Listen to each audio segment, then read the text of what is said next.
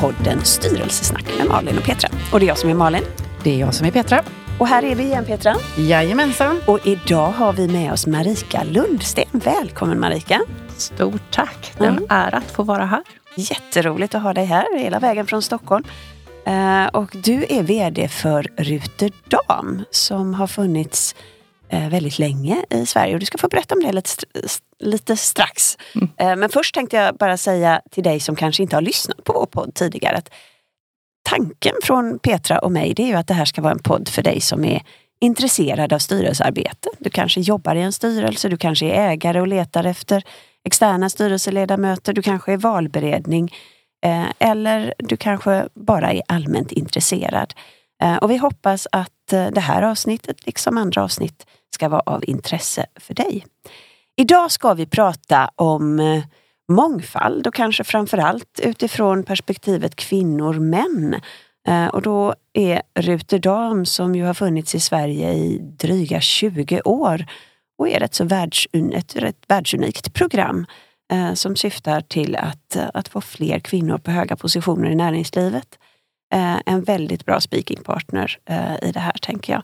Så Marika, du är VD för Ruterdam. Det låter stort och prestigefullt, men berätta lite grann. Vad är Ruterdam? Mm. Ja, det är stort. Eh, prestigefullt vet jag inte, men eh, jag är väldigt glad att eh, få leda den här verksamheten som jag tycker är viktig. Eh, och Ruterdam har faktiskt funnits i 35 år i år. Eh, så länge har vi hållit på. Eh, och Ruterdam då, det, grunden i vår verksamhet är att vi har ett ledarskaps och mentorprogram som riktar sig till seniora kvinnor på höga positioner i framförallt storbolagen i Sverige. Och mycket riktigt är ju då vår målsättning att vi ska få fler kvinnor som eh, vill och vågar ta det här steget till att faktiskt ta de högsta positionerna och därmed också få eh, mer mångfald i svenskt näringsliv. 35 eh, år, eh, 1400 kvinnor har faktiskt genomgått vårt program och många finns ju idag eh, på höga positioner i svenskt näringsliv, men också som eh, i styrelser. Eh, och eh, för sex år sedan också så startade vi ett systerprogram då. För vi såg att vi måste börja tidigt med de här frågorna. Och då startade vi Spader S. Och Spader S riktar sig till yngre kvinnor i början av sina chefskarriärer. Eh, för man ser att det som är viktigt eh, för att då kunna nå vårt mål är att man eh, breddar sina nätverk. Man har speaking partners och man har eh, framförallt förebilder. Att det faktiskt går att ta sig upp, ända upp. Eh, och att man har en tillitsfull och eh, miljö och med, med personer som man faktiskt kan diskutera de här frågorna med och vända och vrida. Och det tycker vi är väldigt viktigt. Ett viktigt uppdrag. Väldigt viktigt tycker jag. Mm. Får, får, jag bara fråga, eh, vad, alltså när vi pratar seniora och juniora, liksom, mm. har ni någon slags eh, åldersgräns där då? Som ni, eller hur, hur funkar det där tänker jag? För de som ja, lyssnar och är intresserade och kanske liksom, mm. och processen om man nu är intresserad av det här, och, eh, hur, hur gör man då? Ja, Eh, men som sagt var, varje år då så går ungefär, om vi börjar med Rotterdam då, går ungefär 40 stycken eh, kvinnor vårt program då och de blir nominerade av sin företagsledning att gå det här. Mm. Eh, och eh, sen är det faktiskt så att även om man blir nominerad är det inte säkert att man kommer med då. För vi har en, ett urval också för att säkerställa att vi har alla branscher representerade och alla befattningar. För ett av våra eh, största målsättningar är att det här ska bli ett starkt affärsnätverk då och att man ska kunna ha utbyte av varandra och bolla sina frågor och utmaningar. Mm. Eh, så att eh, åldersspannet, ja, är man senior som vi brukar säga, de brukar ligga någonstans runt 40-50 mm. om man säger så. Mm. Eh, och spadrest då eh, ligger vi närmare runt 30-35 mm. kan man säga. Mm. Men eh, i spadrest har vi ett större eh, spann egentligen, för man kan ju göra karriär lite olika tider i livet. Så huvudsaken är att man är på samma plats så att man kan vara med i de här givan, i diskussionerna och känna att man har utbyte av det här forumet. Mm. Mm. Så är man intresserad så, så gäller det att räcka upp handen i sin egen organisation och säga har ni hört talas om Ruterdam och Spader så är vi med där som företag. Absolut. Mm. Och man får gärna kontakta oss också. Mm. Vi svarar gärna på frågor. Mm. Ja, bra. Du den här, um, du säger det, det fokuserar på på kvinnor i chefspositioner i operativa roller och vi, vi pratar ju styrelser här. Hur har du sett den utvecklingen över tid? Uh, nu har inte du varit med alla 35 åren här men, men, men hur ser det ut idag? Är det, um, ja, vi, vi, kan väl anta att det är lite fler kvinnor som, som jobbar som styrelsearbetare idag men, men uh, kan, du, kan du reflektera över det? Hur har det sett ut? Mm. Ja, det är, eh, det är ju fler kvinnor som är intresserade av att eh, antingen jobba i styrelser eller att eh, gå över till en styrelsekarriär. Eh, men jag vet inte, jag tycker fortfarande att det går eh, ganska långsamt både på operativ nivå och upp på styrelse. Så det finns mycket att göra. Jag tycker också att eh, det finns ett litet skimmer runt att det är eh, ja, lite bättre, jag vet inte om man ska säga bättre, men att, det, att sitta i styrelse än att eh, göra ett operativt jobb. Eh, och att några är lite snabba på faktiskt att lämna sina operativa jobb för att ha en styrelsekarriär. Och det tycker jag nog man ska fundera eh, en och annan gång på att göra.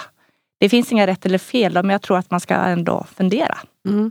Men, men, jag tänker, det har vi pratat om tidigare med tidigare gäster, just det här att idag så är ju styrelsearbete så komplext. Det krävs mer utav styrelsen och mer tid, engagemang.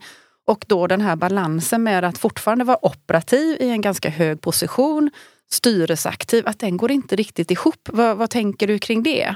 Jag håller helt och hållet med. Det kan gå ihop eh, när allting flyter på. Mm. Men vi lever i en ganska orolig omvärld nu mm. och plötsligt så smäller det till. Och då kräver styrelsearbetet minst lika mycket som ett operativt jobb. Mm. Och har man då kanske två eller tre styrelseuppdrag då, där det smäller till samtidigt, eh, då kan det bli ganska omfattande och gå ut kanske över det operativa man har. Va, va, ja precis, så att då, då, är ju det liksom kanske en utveckling vi har här då. Liksom det här styrelsearbetet tar mycket mer tid så att det är svårt att kombinera kanske. Men som du säger, går, är det relativt Händer det inte så mycket så funkar det ganska bra men händer det som det gör nu och har gjort de senaste åren då är det mycket tuffare. Eh, har du någon uppfattning då från de här kvinnorna som är med i, i, som är medlemmar här då som är operativa? Hur vänligt inställda är deras arbetsgivare till att de faktiskt också i tillägg till sin operativa tjänst får ta styrelseuppdrag? Det är faktiskt väldigt olika. Mm. Det är från företag till företag. Eh, en del är väldigt restriktiva. Mm. Eh, men några, ja. Jag vet inte Malin vad du säger för eh, du har också erfarenhet av det här då. Men ett eller två brukar man väl säga att man kan klara av mm. när man har ett tungt operativt jobb då. Eh, men det finns, jag vet att det är vissa koncernchefer som inte får ha några eh, styrelseuppdrag. Bara för att man ska fokusera på den verksamhet man leder. Så det där är väldigt, väldigt, väldigt olika. olika. Jag håller med mm. bara som, som replik på det. att Det, det är olika och, och, vissa ser det ju som, som en utveckling. Att, att, det, att det är värt mycket att få få se en annan miljö. Alltså att, att sätta det på kontot egen utveckling. Mm. Eh, som ju höga chefer sällan får tid att göra. Mm. Så då kan det vara, vara det också, även om man självklart bidrar också. Så det är inte bara för, Nej, för egen skull. Men, eh, men det varierar nog eh, väldigt, väldigt mycket och jag kan väl också känna att eh, som operativ så förväntar sig din arbetsgivare, även om det smäller till i dina styrelseuppdrag, så förväntas du fokusera ditt, ditt operativa jobb. Jag, jag, är lite nyfiken om du har en uppfattning om en annan fråga. Liksom det här med eh, nu tappade jag bollen bara för det. Mm. Den flög ut den frågan. Den, den kommer tillbaka. kanske tillbaka. Men, men ska vi landa, innan vi går, mm. går vidare på det här. Jag tänker att det kan ju sitta ett antal lyssnare där ute som, som känner att ja men varför ska man överhuvudtaget liksom fokus... Det, varför ska man försöka ha fler kvinnor i styrelserna? Varför är det bra?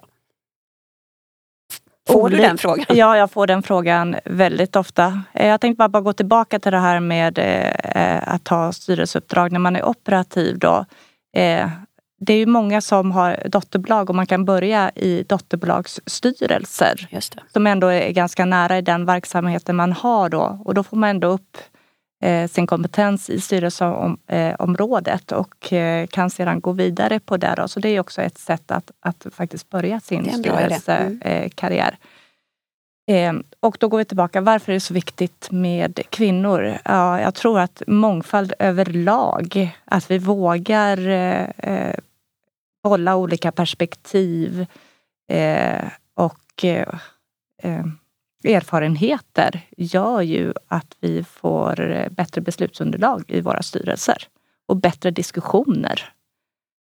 Eh, så att eh, mångfald är ju, jag tror att det är nyckeln till att vi ska komma vidare och utveckla våra bolag som med allt vad vi nu står inför mångfald som motsats till enfald. Ja, absolut. Det ja, ja. håller jag helt och hållet med om. Ja. Vi, vi hade ett litet försnack här innan och då vi pratade just det här med mångfald. Vad är det som krävs för att mångfalden ska eh, fungera? För då nämnde du inkludering. Mm. Om du liksom kan sätta det liksom lite grann i, i kontexten. Jag tycker att många pratar ju bara ser till mångfalden då, att man mm. ska vara olika eller ja, kommer från olika bakgrund då. Men eh, för att ett bra samarbete ska fungera så måste ju man ha inkludering. Att man vill det här, att man vill få det att fungera. Och det har jag sett att det är inte alla som vill utan man eh, tycker att eh, ja, det är en check in the box att vi har en olika styrelse, att vi har två kvinnor eller vad det nu kan vara. Eh, men man har inte viljan att faktiskt driva ett Eh, professionellt styrelsearbete eller ta in eh, olika åsikter. Och det blir ju aldrig bra. Och där ligger det ju väldigt stort ansvar på styrelseordförande mm. att faktiskt leda arbetet och fördela ordet och se till att alla kommer till tals. Mm. Och någonstans tänker jag också Marika att det, då är ju en ledamot, då är man inte representant för någonting. Utan man är det man ska vara, det vill säga styrelseledamot med precis samma ansvar som, som övriga i rummet. För det, det är ju det är lätt hänt annars att man, som du säger, eh, check in the box, att ja, men då har vi 40% kvinnor och vi har X, vi kan säga att vi har X så och Y så. Um, men det är de, de man ska ju inte vara representant för någonting egentligen. Nej, absolut inte. Du är där för att du har en viss kunskap och kan bidra med någonting. Eh, och det är ju det som ska vara det som styr. Mm. Jag tänker bara, eh, jag har förstått också att ni har eh, en, liksom en samling personer inom Rutedam eh, där ni liksom, som är styrelseaktiva, där mm. ni träffas regelbundet och sådär. Mm. Om du liksom skulle lite grann bara sätta fingret på eller samla ihop lite grann, vad, vad, vad, är det för ämnen eller vad är det man tar upp som man tycker är viktigt att diskutera i det här sammanhanget med varandra utifrån det att man är styrelseaktiv? Just nu är det väldigt stor fokus på eh, den omvärld som vi nu lever i, att allting går väldigt fort. Eh, och allting förändras väldigt snabbt då. Och det kommer kriser, alltså mm. kris på kris. Eh, men eh, de flesta står ju inför samma utmaningar. Eh, det är ju hållbarhet, det är globaliseringen, det är energi, eh, det är kompetensförsörjning. Eh, och framförallt, hur ska man bli innovativ och leda bolaget framåt? Hur ska man liksom orka lyfta blicken i den här omvärlden som vi har nu när vi hela tiden eh, råkar ut för kriser? Eh, och hur ska man leda det framåt när man inte vet hur morgondagen kommer att se ut? Mm. Det diskuteras väldigt, väldigt mycket. Mm. Och då är det mer att man liksom bollar med varandra. Hur löser ni det i er, ert bolag och er kontext? Och så försöker liksom hjälpas åt egentligen att eh, eh, ja, landa saker och ting. Hur man, best practice kanske i den typen av situation. Absolut. Mm. Eh, och eh, jag tror att du håller med mig Malin att i styrelsearbete, om man är styrelseproffs, kan ju vara väldigt ensamt också. Mm. Eh, och då är det skönt att ha ett forum eh, där man har tillit och förtroende eh, som vi då har byggt upp inom Ruterdam när man väl eh, gick då programmet. Då. Mm. Så när man väl kommer samman sen i den här gruppen så vet man att det man säger det stannar här då, att man faktiskt kan både få vara frustrerad eller ja, bolla sina utmaningar för att faktiskt få lite stöttning och råd. Och det är ju guld värt. Jag tänker bara, har, har, du någon reflektion över, vi pratade lite grann tidigare om det här då med mångfald och, och kön liksom som en del av mångfaldsbiten så att säga. Då. Ehm, de då som finns med i, i nätverket, eh, reflekterar man då skillnaden egentligen mellan att, jag menar erfarenhet och kompetens, det, det har vi ju alla. Men om vi då pratar själva könsfrågan, alltså skillnaden mellan män och kvinnor i ett styrelserum. Pratar man om det någonting? Och liksom, jag, jag kan ju reflektera över det som också jobbar styrelseaktivt. Eh, vad jag ser att de flesta kvinnor också bidrar med utifrån att de är kvinnor respektive män. Liksom. Pratar man om sånt och hur man lite grann ska hantera det eller vad det är man tycker själv att man bidrar med? Absolut. Eh, och jag vet inte om det har så mycket med kön att göra än att om det har med makt och maktstrukturer mm. eh, och härskartekniker som eh, många kvinnor har upplevt då. Mm. Eh, både operativt men också i styrelserummet. Då. Mm. Och hur man ska hantera olika situationer där man kanske känner sig pressad eller åsidosatt eller förbisedd. Mm. Eh, det tycker jag eh, vi tar upp och, och pratar om då. Eh, sen finns det ju eh, eh, styrelser där det fungerar fantastiskt bra då, men det finns ju också mm. där det inte fungerar lika bra. Mm. mm. Och jag har ju själv haft förmånen att gå Ruterdam-programmet mm. så att jag har ju verkligen varit inne i det här med maktstrukturer och härskartekniker som är en viktig del av programmet. Um, och när jag gick så var jag ju operativ och det var ju i de situationerna vi diskuterade. Men, men känner du att diskussionen nu är att att man ser samma sak i styrelserummet. Ja, faktiskt. Det är så? Det gör man. Eh, man tror ju att, eh, att det ska ha förändrats nu när vi blev mer upplysta och att vi pratar mer om det. Men eh, jag vet inte, när vi pratar om makt och positionering så sitter det väldigt, väldigt hårt åt. Och det är ju att eh, de som är högst uppe eller har den här makten, då, de har ju också privilegier. Mm. Och där, de vill man ju inte gärna släppa. Mm. Och eh, då tar det fram det här lite mest, eh, mest basala i människan faktiskt. Att eh, ja, de här härskarteknikerna kommer fram eller att man trycker till eller eh, så vidare. Så att jag, jag har ju saker varje dag yes. som eh, våra ruterdamare har varit med om, både i operativt eh, och även om vi pratar om, jag vet inte om vi ska komma in det med metoo då, eh, att man tycker att nu vet man hur man ska bete sig, men det verkar inte som det har gått in hos alla faktiskt. Mm. Det här, det här som svårt att ta på, det här mm. lite subtila som händer i styrelserummet och i organisationer, det är svårt att ta på. Mm. Ofta så förstår man inte riktigt kanske när det händer, utan man tänker eh, efteråt, gud jag skulle ha sagt så här, eller vad var jag med om det här verkligen då? Eller så skrattar man bort det. Mm. Eh, och det där eh, finns fortfarande. Eh, bara en sån här, om du kan reflektera över att, att um, för jag menar, jag tänker, kvinnor kan ju också ha härskarteknikfasoner för sig. Liksom. Är, så, så, det är ju inte bara ett manligt nej, beteende nej, utan det, det, det, har, det, kan ju mm. finnas i alla, eller hos båda könen. Så. Mm. Uh, men, men, uh, nej, men nu tappar jag frågan igen. Mm. Vad är det, det var en sån dag idag. Ja, det var en sån dag idag. Ja. Jag, får komma tillbaka. jag kom i alla fall, eh, jag kom faktiskt på den andra frågan som jag tappade innan. Ja, eh, nej, men jag bara tänker så här, när man går då från att vara operativ min upplevelse är när man rekryterar styrelseledamöter så vill man jättegärna ha någon som är operativ, som liksom lever i den miljön som bolaget i styrelsen faktiskt vill ha ha, ha med sig så att säga. Då. Eh, och sen om man då har varit operativ och väldigt tidigt går över till den här styrelsekarriären och, och släpper sin operativa roll. Upplever du eller medlemmarna då att man, man blir mindre attraktiv på ett plan därför att Eh, många vill, efterfrågar ju den här liksom operativa eh, foten, om man säger så, och ha med sig den. Är det, är det någon reflektion som du och medlemmarna gör? Mm. Förstod du lite ja, jag hur jag förstår, tänkte? Jag förstår mm. hur du tänker. Jag eh, tror, eh, ja, det här kanske Malin egentligen bättre att svara på, men eh, jag tycker inte man ska lämna sin operativa karriär för tidigt utan man ska snarare se till att eh, bredda den så mycket som möjligt för att då bli mer attraktiv på styrelsemarknaden eh, eller vad mm. man ska säga. Eh, för hoppar man för tidigt och har en, ja, en vad, det, vad ska man säga, smalare kompetens, mm. då är det lätt att man blir fast i, i den typen av frågor, i den typen av styrelsen och man blir inte så attraktiv sen. Och då är det också min erfarenhet i alla fall då, att det är svårare att gå tillbaka till ett operativt jobb sen igen.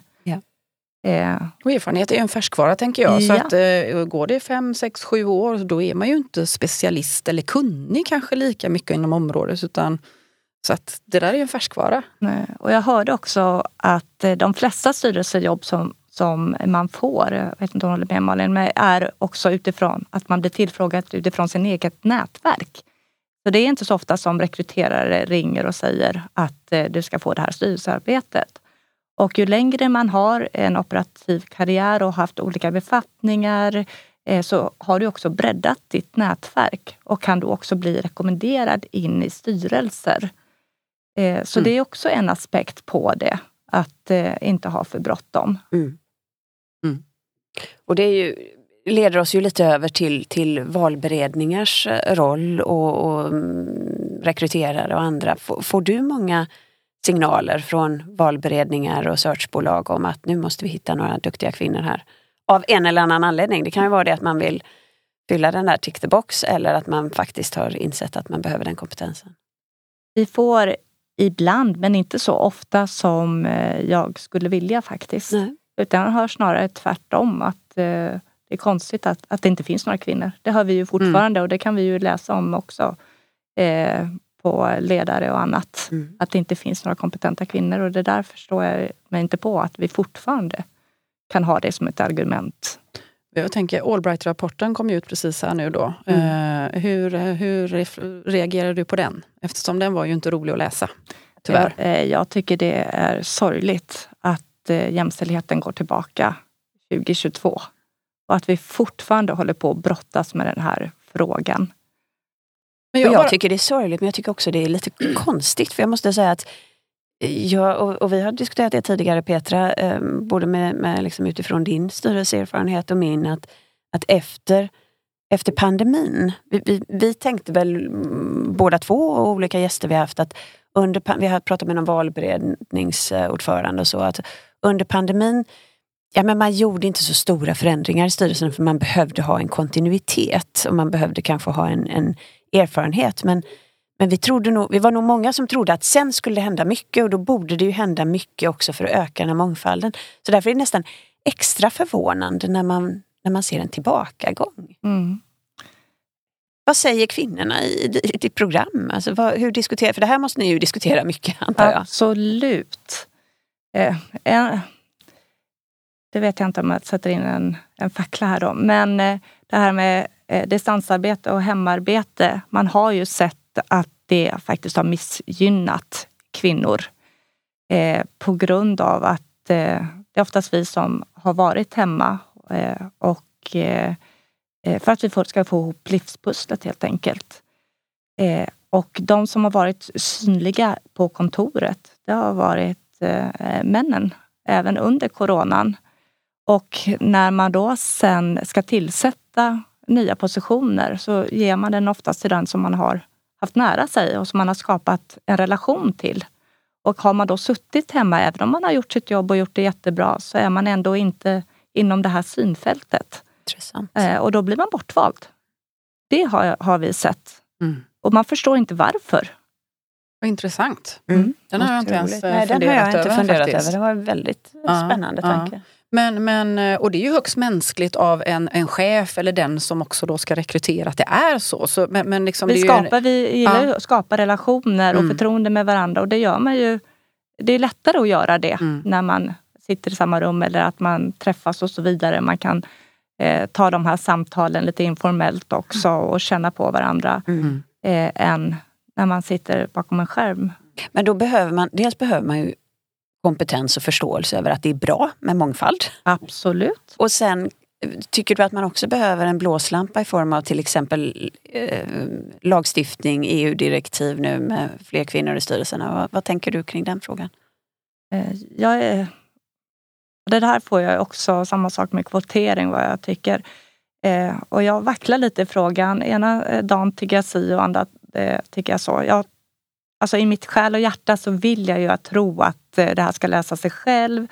Att man ska gå på kompetens, eh, må, mest, må, eh, må bäste man eller kvinna vinna. Men jag ser ju gång på gång att det inte är så. Och man kommer med, med konstiga argument varför man valde den här eh, mannen framför kvinnan, även om det var lika. Eh, så att på något sätt så behövs det göras någonting. Och sen om det är eh, eh lagar och förordningar eller vad det är. Men eh, en blåslampa. Ja, en blåslampa behövs uh helt enkelt. Det gör och det bara för sätt. att landa det kring, kring det här bordet mm. så att ingen där ute eh, äventyras att tro något annat. Så tror vi tre som står här att om man går på kompetens då får man en, en sannolikt relativt balanserad eh, grupp människor när det gäller till exempel kön. Absolut. Mm. Mm. Det, det, är kompetens som ska gälla. Må mm. Och då borde det vara hyfsat balanserat. Absolut. Må ja. bäste man eller kvinna vinna men alla ska ha samma förutsättningar och det ser vi väl att mm. man kanske inte har idag. I alla lägen.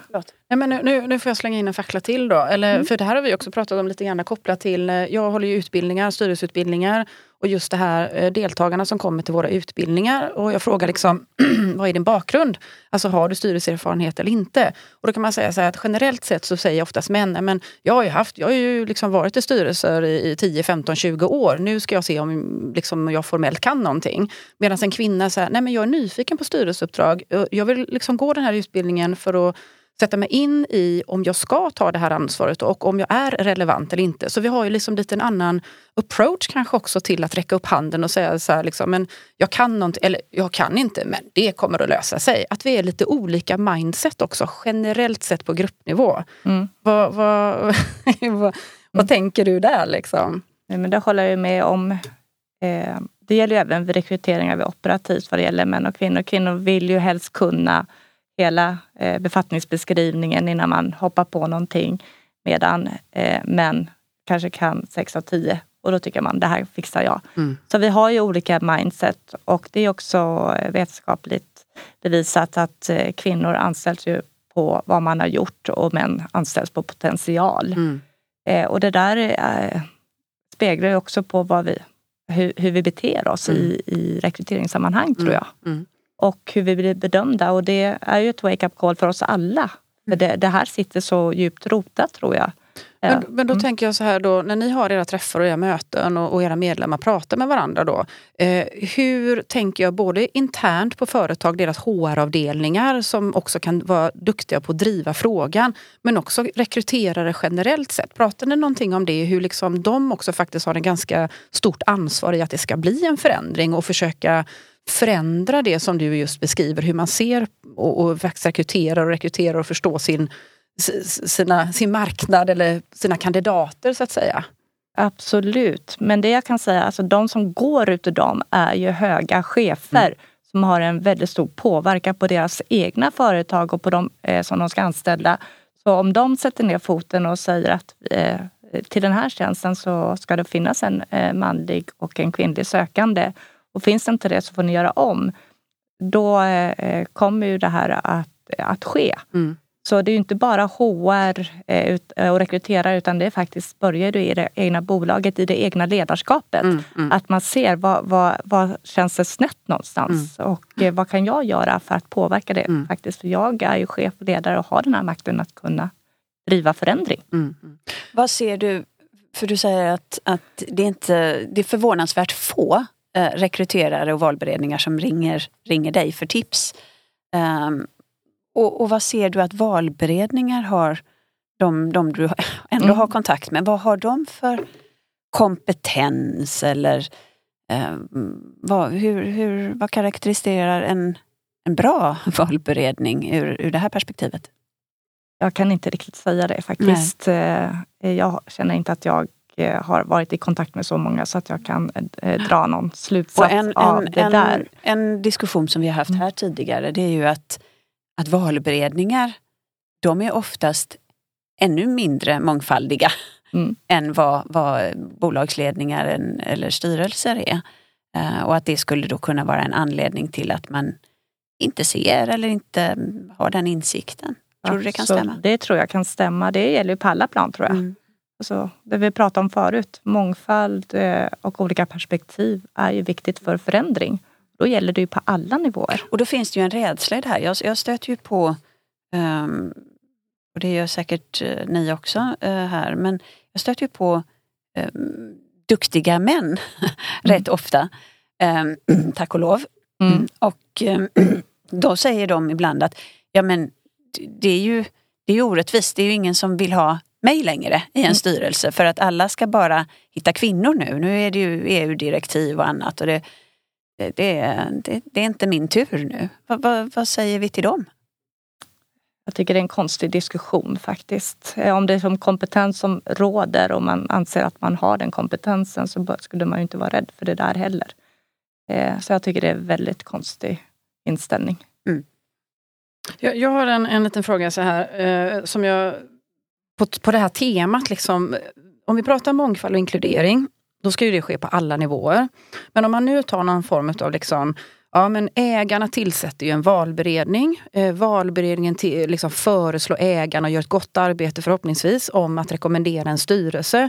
Styrelsen tillsätter sen VD och, och, och, och så vidare. Så, så det är klart att vi ska jobba för alla de här men säg nu att vi inte har eh, ägare som överhuvudtaget tänker på frågan.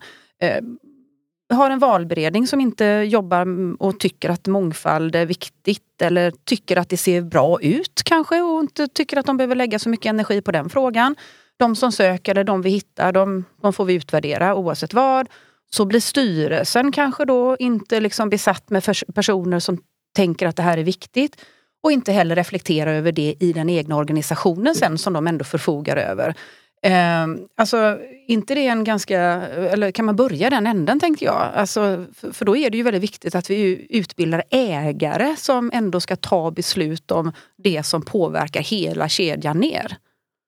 Absolut. Och jag tror ju att eh, hela den här frågan är ju faktiskt en affärskritisk fråga. Eh, för jag vet ju själv då eh, om man går in och tittar på styrelsens sammansättning eller eh, ledningsgrupper om man ser att det, ah, det är väldigt eh, lika inriktat där då. Jag tror inte det attraherar så mycket av de unga talangerna faktiskt att söka sig dit. Så då går man ju miste om kompetens om man inte tar de här frågorna på allvar. Mm.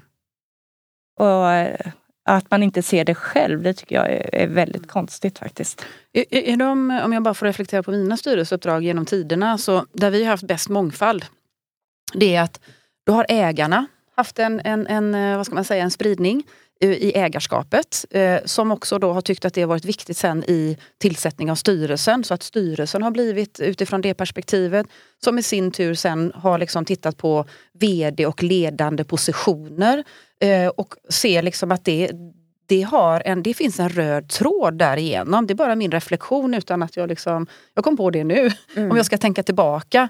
Eh, och sen har jag varit i väldigt manliga strukturer där det nästan liksom, där jag har varit den enda kvinnan i princip in i den, i den eh, vad ska man säga, strukturen.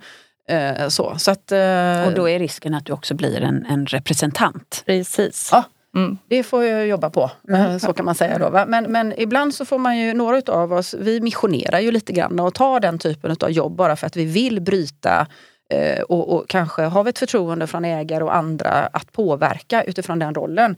Det är ju gott nog, liksom. Eh, även om vi vet att vi kanske då är lite gisslan ibland. Liksom så.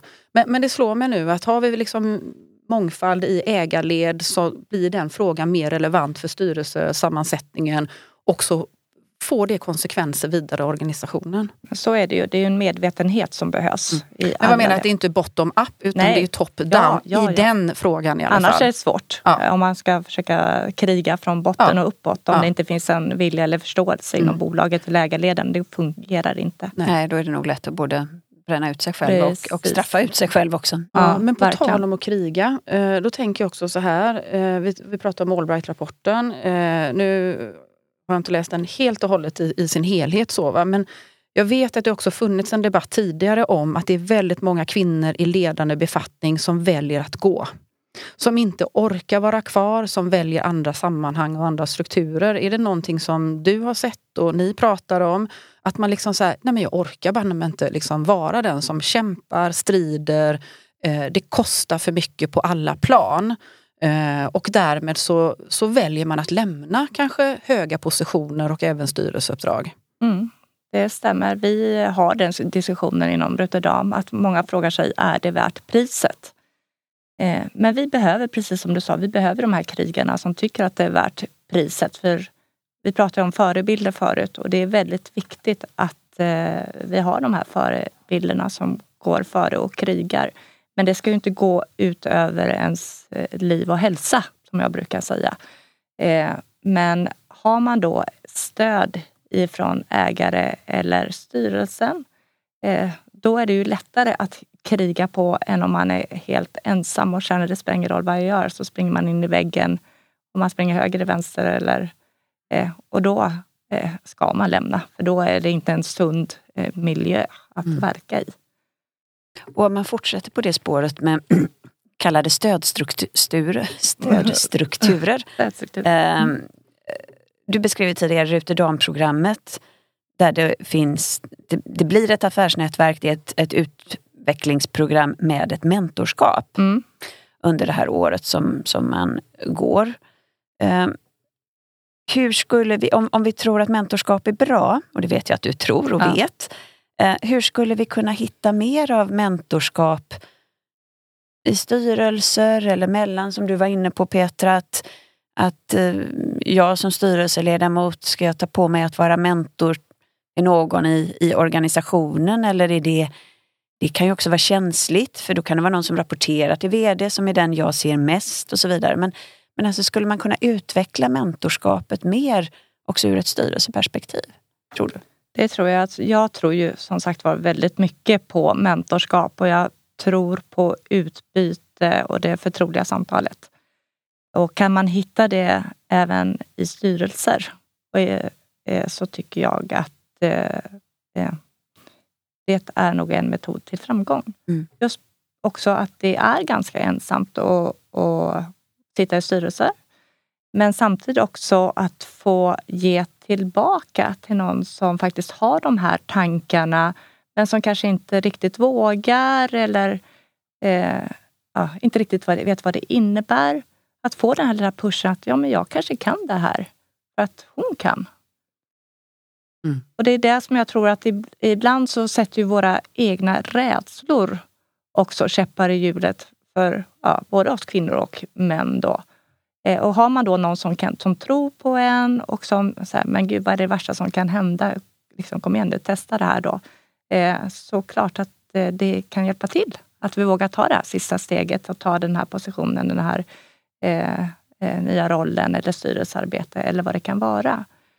Eh, och jag tror att vi behöver förebilder och vi behöver hjälpas åt för det är, en, det är stora frågor vi står inför och stora utmaningar. Mm. Jag, jag gör också en reflektion faktiskt på, på tal om förebilder och, och så.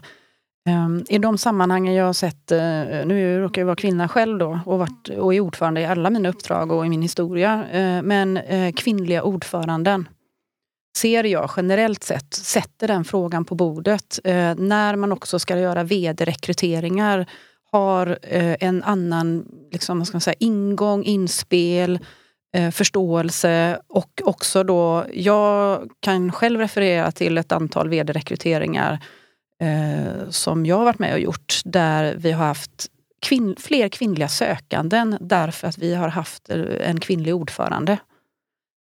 Det, tror, det, det tror jag absolut. Det är mm. förebilder. Mm. Att se att det faktiskt kan. Mm. Eh, så eh, det ser jag själv eh, när man tittar på olika bolag, vilka jag skulle vilja jobba i. Då tittar jag ju att det ser mycket trevligare ut om man har mångfald i styrelsen och ledningsgruppen än om det är väldigt homogent. Mm. Eh, och sen tror jag också att kvinnor driver den frågan på ett annat sätt också. För man har varit med själv om saker och ting som har gjort att man, att man har eh, att det har blivit en ögonöppnare att man vill driva de här frågorna. Man vill att, att det ska göra en förändring. Mm.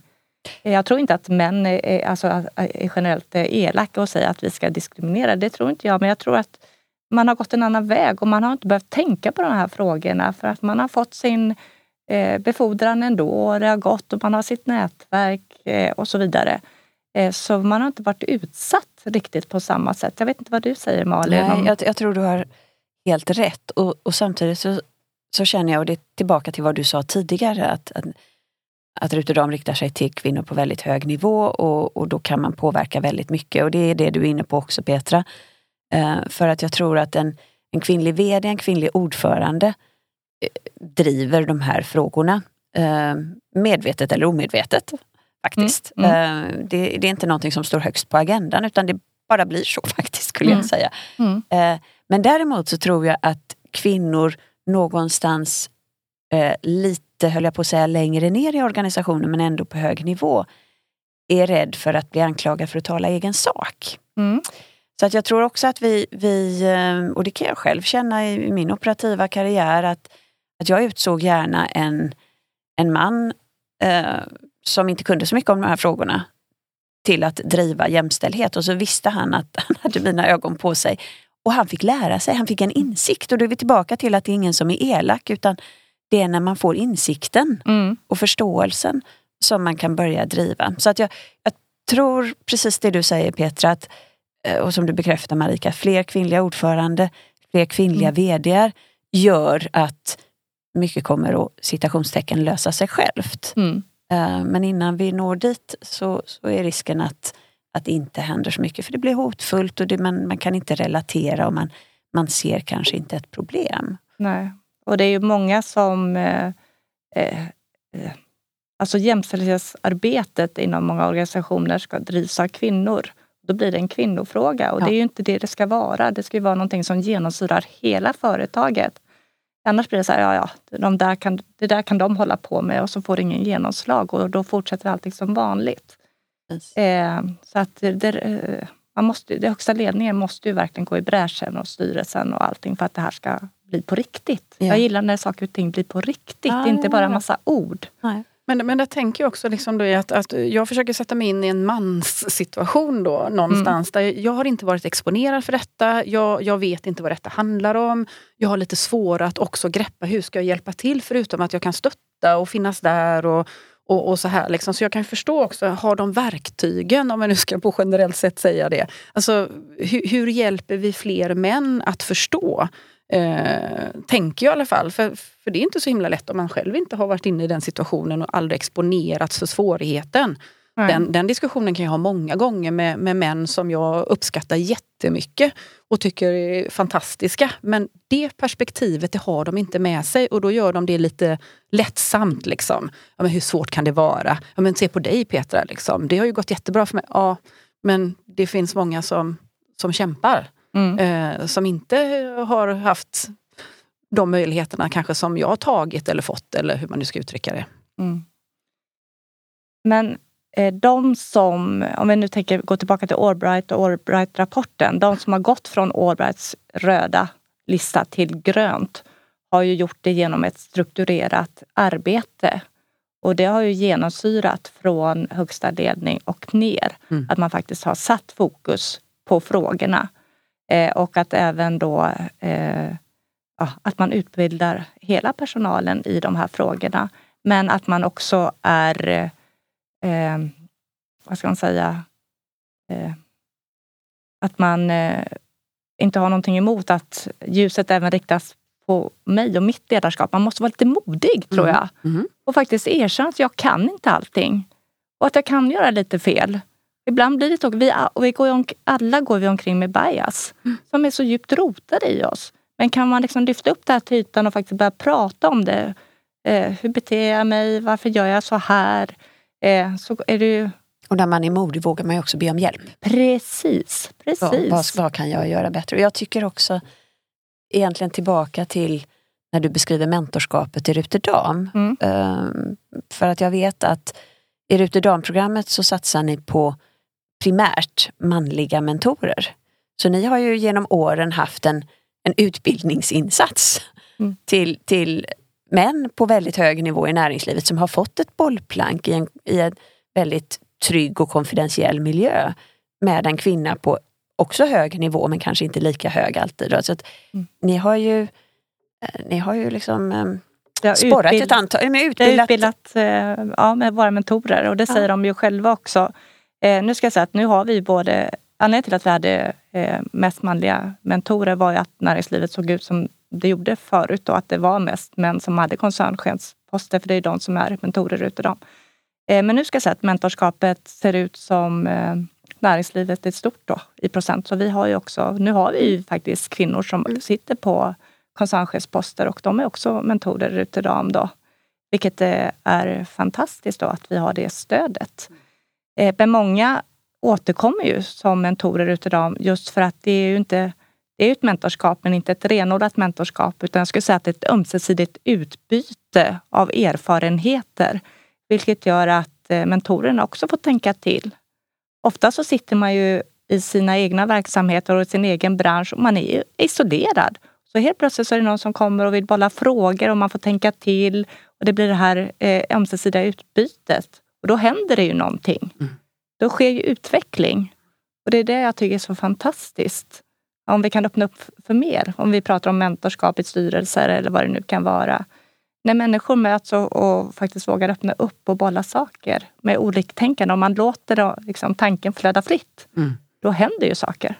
Men det tänker jag väl lite grann som ett tips då liksom för en styrelse. Det är ju det att, eh, det har vi också lite grann pratat om innan. Hur, hur kan vi få till den här dynamiken, det här samtalet? För att bara ha styrelsemöten och gå in ett styrelsemöte, ut från ett styrelsemöte, det gör ju inte att vi lär känna varandra. Så lite grann det här öppna upp, att man också då kan ha den typen av tillfällen där man är lite mer i samtal med varandra pratar om ett antal viktiga frågor och det får flöda fritt. Mm. Det ska ju inte protokollföras i ett styrelsemöte men det är viktigt att vi har liksom, får prata med varandra och samla oss i en bild eh, så, och skapa tid för det. Och då är vi tillbaka till en ordförande som måste också tycka att det är viktigt och relevant, tänker jag, att lägga in det som en, som en del. Så. Ja. Och sen tänker jag ett tema man kan faktiskt ha på eh, ett styrelsemöte som man också kan bjuda in gäster till och, och höja sin egen kunskap och, och insikter och, och, få kanske lite frågor på bordet att svara på och reflektera över eh, till ett styrelsemöte. Mm. Och, det, jag tänker också Petra att det, det är ju att sätta av tid mm. men också hitta tid och former som mm. passar en mm. styrelse. För där, där eh, där det är ju liksom inte att bada bastu ihop. Nej, nej. Så. Nej. Och det kanske inte är att ta en helg och åka iväg om, om inte alla eh, har Så att det handlar om att hitta både tid och former att Men göra det. En duktig ordförande samlar ihop sin liksom, jag håller med. Men jag tror att vi bara ja. kan skicka med det till huset. Ja. Tänk på formerna så att det är någonting som passar hela Jag har gruppen. inte blivit, blivit inbjuden till en bastu någonsin. Nej, det har jag. Eh, ja, men det, vi har förstått det, att det, det är så. Eh, så. Men, det där, men det har jag faktiskt i, eh, ett, eh, i Ruterdam också, i våra, de som är styrelse och styrelseproffs. Att man, eh, det är mer viktigt att ta den här tiden för samtalet mm. och hitta former för hur ska vi kunna göra det än att bara formellt gå igenom protokollet hela tiden. Verkligen. Och så hamnar den här punkten längst ner, den som man oftast aldrig hinner med. Men då är det några som brukar vända på agendan och mm. börja med det, om man säger mjuka frågorna, för att man faktiskt ska sätta det på agendan. Jag vet inte Malin vad du säger om det? Jo men absolut, och det har vi haft ett antal gäster som har, som har sagt det eh, också. Eh, och jag tycker att det är viktigt att kontinuerligt ha, ha eh, de viktiga frågorna mm. på agendan. Eh, historiska siffror är också viktiga men, men de har ändå varit. Och det är viktigare att De kommer vi ju pålästa på tänker jag så att Precis, vi kan ägna oss åt liksom... lite klart, äh, tänker jag. Men, men där tänker jag ju liksom äh, att äh, styrelsen kan bjuda in ledningen också i den typen av dialoger. För vi alla har funktioner och viktiga liksom, funktioner i att prata om det här. Och jag kan tycka att det är viktigt att vi ibland möts för så att det inte blir liksom styrelsen till VD, VD till sin ledningsgrupp utan att vi alla är samlade i ett och samma rum. Mm. Eh, och har ett antal sådana möten, det har jag i mina bolag. Så att vi liksom ändå känner av varandra, vi förstår varandra och det som vi också landar i är viktiga frågor. Mm det är också liksom pratat om, alla har varit med, alla har suttit och hört svaren och vi har kommit överens och sen när vi går tillbaka hem, ja men då är vi mer synkade i vad som är ett fokus. Och, eh, eller det kan ju vara så att man landar i att man märker att jäklar vad olika vi är. Mm. Mm. Och ställa frågor för att, um, för att också öppna ögon. Alltså Mm. att, att när jag ser en presentation i ett styrelsemöte eller styrelserum eh, och jag bara ser vita män på bilderna, Mm. eh, då, då ställer jag ju lite frågor. Mm. Hur, hur man tänkte här. På samma sätt som jag faktiskt tänker om det är eh, fotomodeller. Alltså Mm. uppenbart att, att det är någon som absolut, man har bara hittat sådana som inte alls har bäring på, på vår verklighet. Så att eh, Mm. det, är, det är väldigt många frågor. Jag tycker också tillbaka till en, innan vi ska avrunda, men jag tycker också Marika, hänga upp en av de frågorna som, eller synpunkterna som du tog fram tidigare, att du, du tittar också ibland på ja, men vilka företag skulle du trivas i? Mm. och, och, och konstatera att vissa skulle man inte trivas så bra i och, och vissa skulle man trivas bättre i. Ehm, och att jag skulle vilja att vi kom till ett läge där företagen själva såg sig i spegeln och sa, ja men varför, varför får vi inte så många ansökningar som vi borde från kvinnor i det här fallet? Mm. Alltså, vad är det vi gör fel? Mm. Inte säga, alltså, och det är ju skrämmande att vi fortfarande får det finns inga kvinnor. Mm. Eh, utan jag tycker att vänd på det då och säg, men alla kvinnor som finns, som är så bra, varför söker de sig inte till oss? Mm. Så det, det tar jag verkligen med mig från det du har Precis, sagt. och vad- de söker sig till oss men sen kanske de lämnar. Och varför lämnar de? Ja. Det är också kanske en Följa ögonöppnare, att följa upp det. Jag har bara en sån här eh, som jag vill bara provtrycka med, eller provtrycka, men min erfarenhet när jag började min karriär för många, många, många, många år sedan, så upplevde jag att kvinnor som hade fått en position, de hade efterliknat manliga beteenden. Det var nästan som en, en, en, en, en man i kvinnokropp. Liksom. Alltså att man har, för att lyckas så var man tvungen att adaptera till den miljön som var, som var otroligt manlig. Mm. Gjorde man det och man liksom spelade med spelreglerna som fanns i den världen, ja, men då kunde man ta sig längre upp i organisationerna. Eh, dels har ni haft liknande erfarenheter och sen så är min uppfattning att så ser det inte riktigt ut idag generellt sett. Jag ser det fortfarande men inte lika utbrett som det var tidigare. Eh, Jag tror att eh, i början så var det en överlevnadsinstinkt. Alltså, du orkar inte få eh, kommentarer om hur du såg ut eller så här, utan du ville fokusera på faktiskt eh, att göra ett bra jobb. Och för att kunna eh, koncentrera sig på det så anpassar man sig. Och det gör man. När man är i minoritet så anpassar man sig. Det är en överlevnadsstrategi. Mm. Eh, nu som tur är det, alltså vi ska ju ändå säga att det har ju hänt saker. Vi, det finns fler kvinnor på höga positioner. Och blir man då eh, två eller tre eller fyra som man kommer över den här kritiska massan, då kan man ju också vet du, eh, blomma ut. Eller man kan vara sig själv på ett helt annat sätt. Då, för du har sådana som, eh, som du kan ha stöd i då. Eh, men eh, då kanske anpassningen kanske sker på annat sätt då istället. För- ja. ja. Så då, då, då bekräftar både ni två att det har sett ut så och fast på annat sätt idag. Eh, så. Och jag tänker också då in, innan vi avslutar och avrundar Malin, vi säger det hela tiden, Ja. eh, så tänker jag säga, men ett medskick som, som vi och andra vi gärna vill dela med oss till andra, det är att de här förebilderna, de här krigarna, ge inte upp, ni är jätteviktiga, vi behöver er. För när du säger det har ju hänt mycket. Ja. Varför har det hänt mycket? Jo, för att de här människorna har funnits, både män och kvinnor såklart, som har krigat för detta. Det är ju därför vi också fått en förändring. Mm. Och vi måste fortsätta det. Ja. Så liksom, var modiga, eh, försök att Och hitta vårda era nätverk. nätverk. Ja, Mm. Så att ni har, några, Mm. allierade som ni kan komma till och prata när det Mm. känns jobbigt eller heja på någon annan när man själv är så här stark. Då kan man ju vara en väldigt kraft för de som eh, inte är så starka just då. För i livet går ju upp och ner Mm. och så är även arbetslivet. Precis. Mm. Härligt. Och det är väl en underbar avslutning tänker jag på det här samtalet. Tiden går väldigt fort när man har, har roligt och det här är viktiga frågor. Så att, tusen tack Marika för att du delar med dig eh, så mycket. Och, eh, jag, har- jag har noterat en massa saker här så att jag, jag tar med mig väldigt mycket. Jag tar med mig att när vi ser fler kvinnliga ordförande, fler kvinnliga ägare så kommer mycket att hända citationstecken av sig självt. Mångfald är bra för affären. Eh, och det finns väldigt mycket eh, kompetens och någonstans målet att kunna, att vi alla som individer ska kunna vara oss själva eh, och bidra utifrån, att, eh, utifrån det och inte vara en representant för någonting. Och också tyckte jag att du skickade en liten eh, uppmaning där till eh, valberedningar att eh, inom Ruterdam så har ni gjort väldigt mycket och eh, har också möjlighet kanske att, att stötta om, om man letar och inte liksom har sina egna nätverk för att hitta de här fantastiska kvinnorna. Mm, absolut. Tack Marika. Mm, tack så jättemycket för att du tog dig tiden. Ja, tack så mycket för att jag fick komma. Jätteroligt. Mm. Då så, då tackar vi för idag. Vi tackar för idag och, och tackar våra lyssnare. Och så får vi se vad som händer till nästa avsnitt. Det får vi se. Ja, det är så bra. Hej då!